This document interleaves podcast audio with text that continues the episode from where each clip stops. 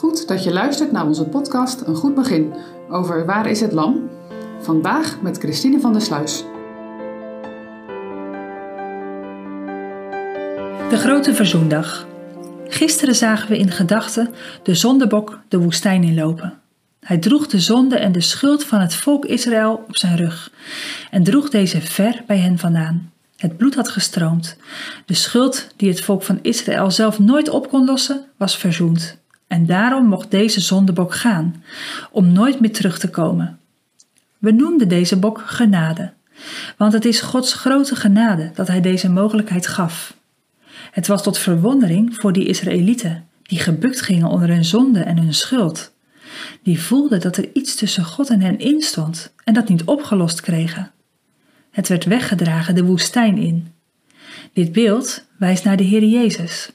Door het volmaakte offer van de Heer Jezus kunnen ook jouw zonden weggedragen worden. Voor eeuwig. Vandaag willen we wat uitgebreider stilstaan bij de grote verzoendag en bij het ritueel rond de andere bok. De bok die we gisteren waarheid noemden.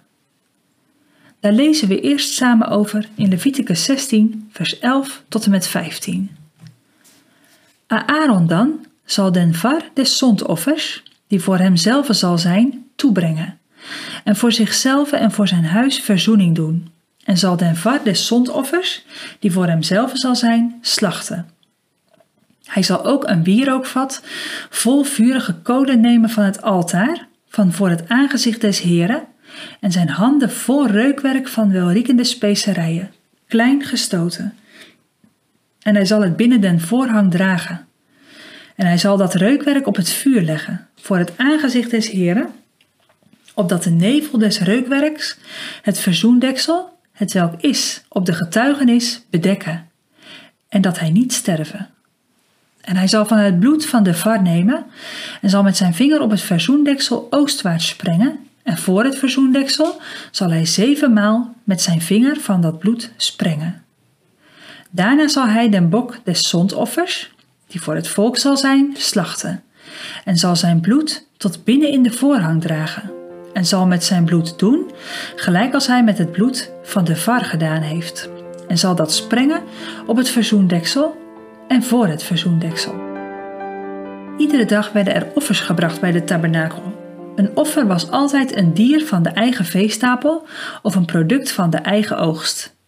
Leviticus noemt uitvoerig vijf offers: brandoffers, spijsoffers, dankoffers, zondoffers en schuldoffers. De eerste drie offers waren bedoeld als geschenk aan de Heer, om hem liefde en toewijding te tonen, om in gemeenschap met hem te zijn. Breng dagelijks deze drie offers. Begin niet met je zonde, je tekorten, je falen en je gemis. Het gaat allereerst om Zijn eer. Dus toon de Heer je toewijding, je dank en je onderwerping.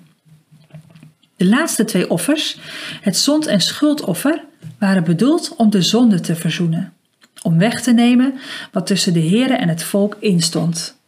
Het offerdier sterft in de plaats van de offeraar, want zonder bloed geen vergeving, zonder waarheid geen genade. Al deze offers werden dag in dag uit gebracht. En één keer per jaar was de grote verzoendag. Dan ging de hoge priester namens het hele volk het heilige der heiligen in, om over alle onbeleden zonden, opzettelijke zonden en ook zonden die onbewust gedaan waren, verzoening te doen. Het heilige der heiligen was onrein geworden door de zonde van het volk en door dit ritueel werd ook deze onreinheid verzoend. Dit was nodig, want onreinheid, onvolkomenheid, dat past niet bij God. Hij kan alleen genoegen nemen met het volmaakte. Hij kan alleen genoegen nemen met de waarheid, want hij is de waarheid. Eerst slacht de hoge priester een koe om voor zichzelf en de andere priesters verzoening te doen. Daarna slacht hij de geitenbok waarheid, die samen met de geitenbok genade bij de ingang van de tabernakel stond. Het bloed van deze geitenbok neemt de hoge priester mee het heilige der heiligen in.